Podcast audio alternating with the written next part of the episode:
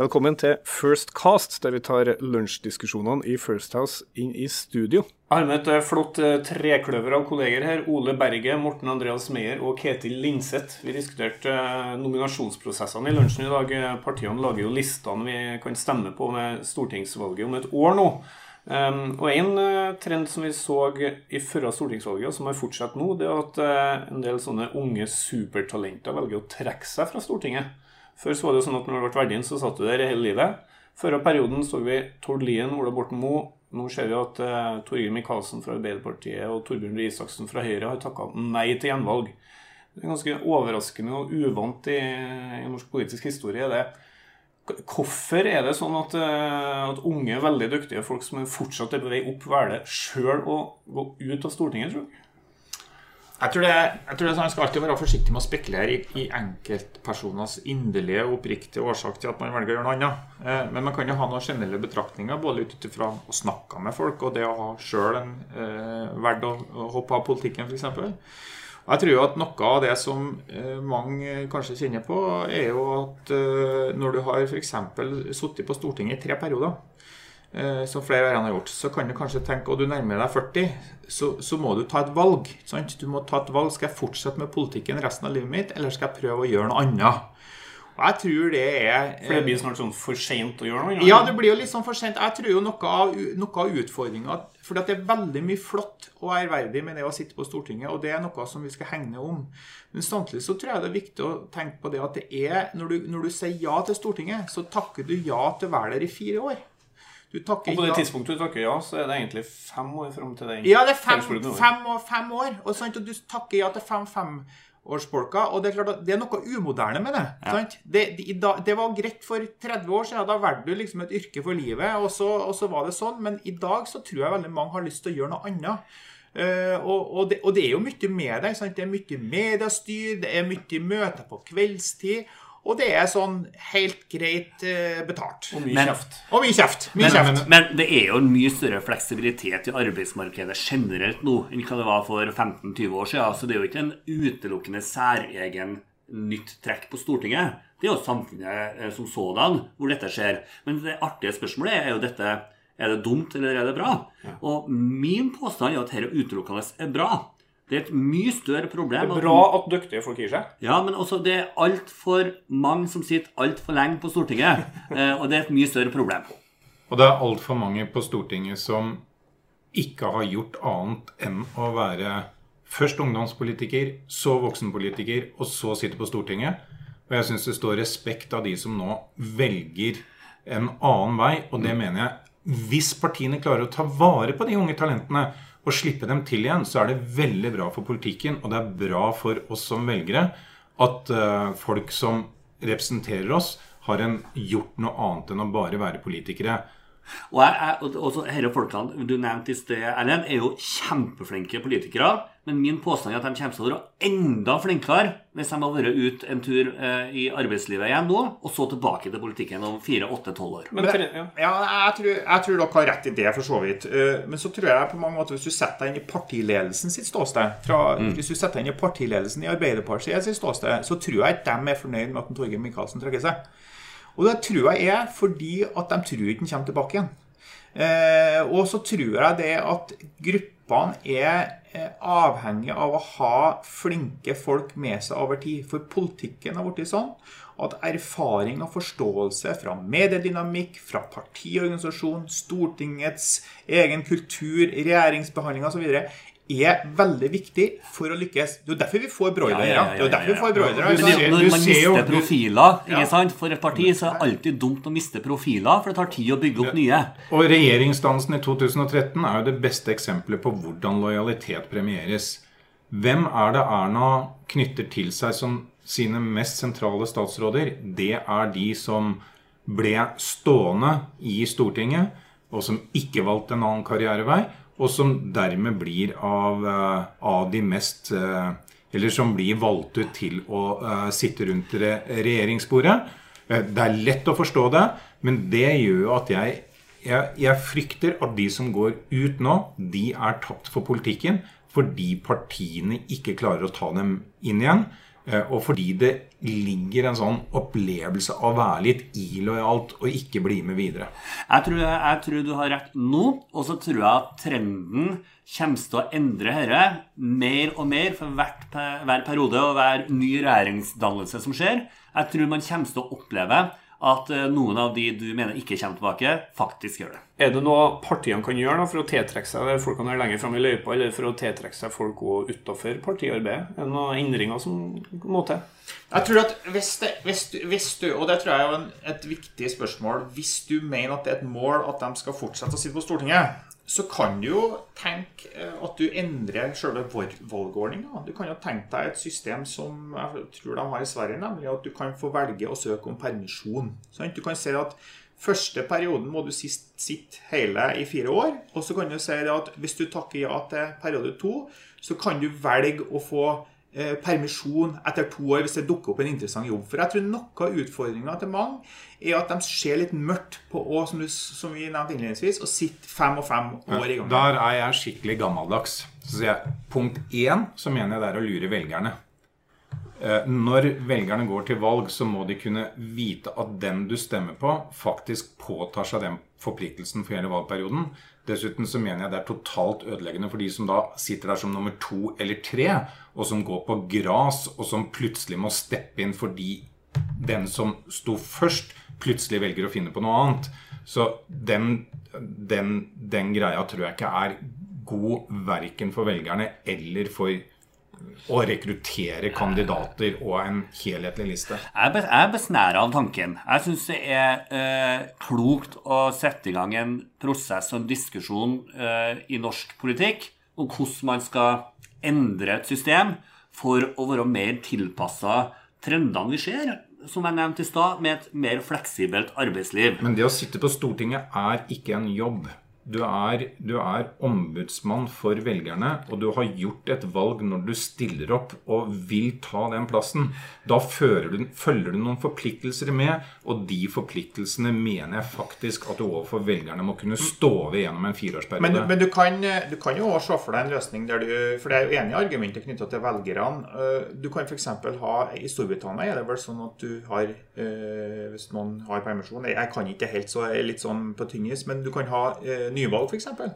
Sånn at du kan ha, eh, Hvis en person velger Det er enkeltmannskretser. Ja, ikke sant? Men du kan jo likevel eh, ha supplerings, eh, suppleringsvalg. Eller ja, den type ordning. Jeg mener at Hvis, hvis, hvis, hvis hovedutfordringa er at for mange velger å ikke eh, tak, eller takke nei, eller ikke ønsker å stå på liste, så er ikke systemet godt nok. Men det, det er jo på mange måter en sånn Eh, er systemet godt nok eller godt nok? Spør du Martin Kolberg, så vil han sikkert synes at systemet er godt nok. Der er jeg nok enig med Morten. Der er Morten og Morten Kolberg enige for en gangs skyld. Eh, men, men, det er liksom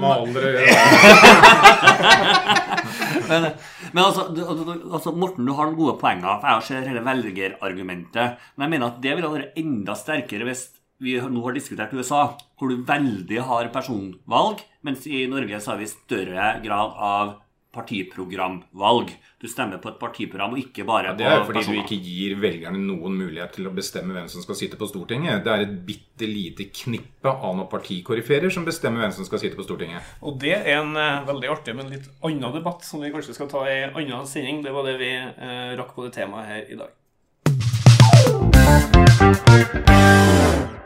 Vi skal skifte tema. Vi har fått nytt mannskap. Vi har med oss Morten Wetland, Tor Mikkel Wara og Lise Lotte Lunde. Og vi skal diskutere statsbudsjettet. Eh, ikke forhandlingene som pågår mellom støttepartiene og regjeringa, for der skjer det nye ting hvert eneste minutt. Men eh, vi skal snakke litt om de alternative budsjettene. For at etter at regjeringa legger fram sitt budsjettforslag, så kommer partiene i tur og orden eh, med sine alternative statsbudsjettforslag. Og det det jeg lurer litt på, som vi snakka om i, i lunsjen tidligere, er hvordan betydning har egentlig disse alternative budsjettene? Det, betyr det noe hva partiene som ikke sitter i regjering, legger fram? Ja, la oss, la oss, eh, begynne med å se om det betyr noe for sluttresultatet. Da er det veldig lite. Fordi at alle budsjettforhandlinger i Stortinget flytter på et par prosent maks. Men eh, de har noen andre betydninger enn akkurat det å endre det eksisterende statsbudsjettet.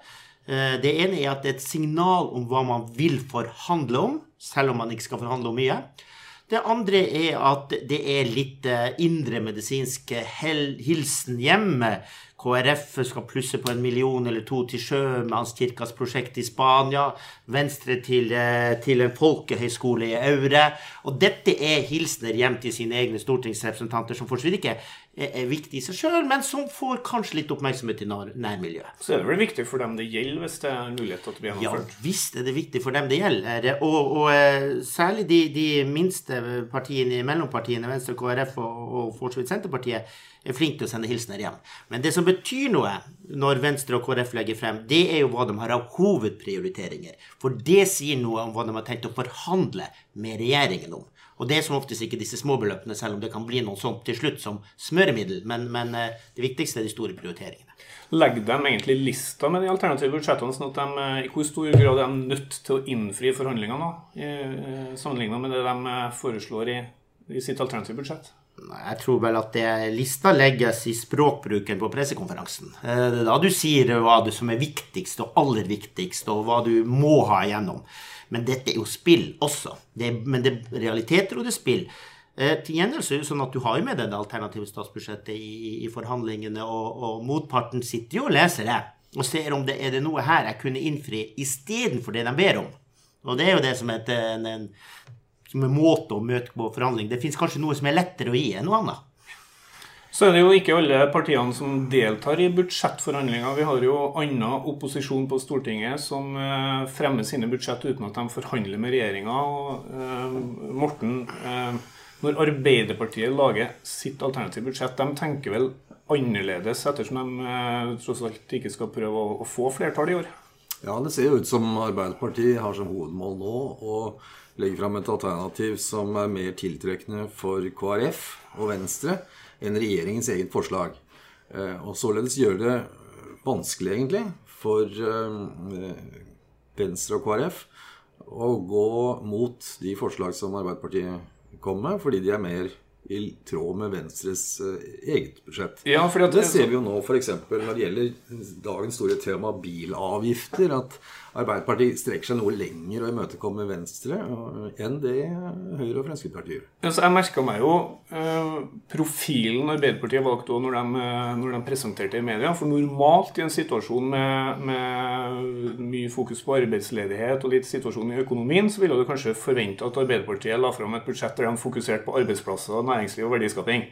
Eh, men hovedfokuset til Arbeiderpartiet var jo på miljø Eh, og som du sa, at de, de, de, gikk så langt at det kanskje ble vanskelig for KrF og Venstre i forhandlingene? Ja, altså eh, Arbeiderpartiets alternativ inneholder en lang rekke punkter som handler om å få flere folk i arbeid. Og få i gang næringsvirksomhet. Det de kaller en aktiv næringspolitikk. Men det er ikke det som er blitt lagt mest merke til, nå som vi ser at det spekuleres om det blir regjeringskrise med utgangspunkt i, i drivstoffavgifter og bilpakker er det det det heter, Tor Mikkel? Ja. ja. Eh, det er liksom bilistene som det kampen står om, da. Eller står om eh, Venstres og KrF sin sjel, da. I dette øyeblikket. Om de er komfortable med å fortsette å støtte en Høyre-Fremskrittsparti-regjering, eller om eh, de får så mye gjennomslag for egne saker Vi har sett mer til Arbeiderpartiet. Så Arbeiderpartiet flørter med mellompartiet. Det som også er interessant å se, er jo hvordan organisasjonen og omverdenen reagerer på disse alternative budsjettene. Fordi miljøorganisasjonene har jo vært raskt ute nå og skryte av Arbeiderpartiets alternative eh, budsjettforlag, og det legger jo da et eksternt press på forhandlingene. Sånn at det blir viktigere, kanskje både viktigere og vanskeligere samtidig for eh, KrF og Venstre å oppnå ja, ting i forhandlingene med regjeringa pga. forslaget Arbeiderpartiet la fram. Ja. Samtidig som tenker jeg det, det, er viktig når man Og dette gjelder jo uansett partier og uansett hva i Norge, så er det jo klart at statsbudsjettet overdriver forskjellene. Fordi at 99% av statsbudsjettet blir vedtatt ja, 95 blir vedtatt enstemmig. Mm. Og så er det litt krangler om et par prosenter, og så er det til slutt nesten promiller hvor man ryker i tottene på hverandre på, i forhold til så stort statsbudsjettet er. Så det er klart at det blir litt sånn unaturlig debatt om, om Norges økonomiske fremtid. Fordi at du fokuserer på bitte små ting, og så glemmer man alt det som man tross de store linjene som tross alt ligger fast i norsk politikk. Så, så hvis du titter på statsbudsjettet isolert sett, så får du kanskje et litt skjevt bilde av realiteten i norsk politikk. Men en annen ting som er litt sånn interessant, det er jo å se nå eh, hvordan eh, partiene eh, hva skal vi si, får regnestykket til å gå opp. da. Fordi at eh, flyseteavgiften var man jo i utgangspunktet veldig imot. Og plutselig så er det flere partier som nå er for det og budsjetterer med den. Så da har man plutselig bare snudd over natta. Ja, du, du sikter jo da til Arbeiderpartiet, som var eh, sarkastisk eh, overfor den flyseteavgiften da den ble foreslått, og som nå i sitt budsjett lar den stå, fordi de trenger 1,6 milliarder som den bringer inn til statskassa. Men som de også har sagt, det betyr jo ikke at Arbeiderpartiet tror at den avgiften har noen klimaeffekt. En ren fiskalavgift? Det er en ren fiskalavgift. Arbeiderpartiet har jo historisk sett satset på å ha et bredt skattegrunnlag med lave satser. Og det er flyselskapet. Avgiften kan passe inn i det bildet. Morten, nå, eh, Arbeiderpartiet har jo store ambisjoner om å overta regjeringsmakta etter valget om et år. Ehm, tenker de på det når de legger fram budsjettet nå? Også en ting at det er et valgkampbudsjett, men kan vi òg lese føringer på hva de kommer til å prioritere hvis de skulle komme i regjering? Ja, altså eh, det står en god del her om eh, næringspolitikken og om eh, utdanningspolitikken. Det er mange små poster som handler om utdanning, men det er altså påplussinger og forbedringer, videreutdanning, altså livslang læring-tilnærmingen. Ehm, men det som blir mest omtalt, det er jo eh, klima, det de kaller klimatiltak. Eh, fordi det har fått så stor oppmerksomhet, eh, selv om det er snakk om ikke mye penger og ikke alltid så veldig stor faktisk klimaeffekt. Så står kampen om regjeringsmakten står egentlig på klimaarenaen. Da må de ta posisjoner som er sånn at det kan skapes et flertall, også med Arbeiderpartiet.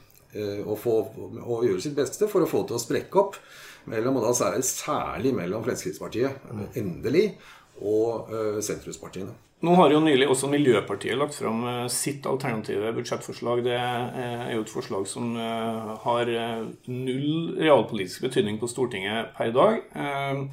Men det kan jo tenkes at Miljøpartiet kommer i en såkalt vippeposisjon og kan få en større innflytelse etter valget om et år. Er det kan, vi, kan, det bety noe på lengre sikt hva Miljøpartiet foreslår i sitt budsjettforslag nå? Det får ikke noe så stor mediedekning. Men... Jeg tror ikke det. Altså, hvis du er interessert i, i den langsiktige virkningen, så kan du like ofte titte på partienes programprosesser. Selv om de er mindre, mindre konkret, så er de ofte mer forpliktende.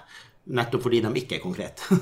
det er lettere å forplikte seg på de generelle tingene på de konkrete tingene. Så, så da vil jeg nok heller, heller se på det. Men, men, det er jo også sånn at det vi ser, eller det folk flest ser av statsbudsjettet, er jo, er jo som, som, Morten sier, det er jo de tingene som, hvor det blir uenighet som kan vippe et flertall. Det er, jo, det er jo ikke sånn at jeg tror Arbeiderpartiet, hvis de fikk velge hva statsbudsjettdebatten skulle være, handle om, at de da ville valgt miljø. Da ville jeg sannsynligvis ha valgt sysselsetting enn annet. Men det er ikke pressen interessert i. For derfor er det er jo regjeringsspenningen som alltid vinner førstesider. Og da må du på mange måter være interessant i den spenningen der for å være med. Så, så ofte så er det det uenighetene blir forsterka, uenighetene tønes ned, men også de, kanskje noen ganger de minst viktige tingene får mer oppmerksomhet. Det er ikke alltid det viktigste, det som får stor plass i debatten om eh, budsjettet. Om noen uker så vet vi fasiten for neste års budsjett. Vi synes det er veldig artig at du hører på First Cast. Du må gjerne gå inn på nettsida vår, firsthouse.no. Der finner du et uh, arkiv over tidligere opptak. Du kan jo abonnere på iTunes, på Soundcloud og på Android. Vi er plutselig tilbake.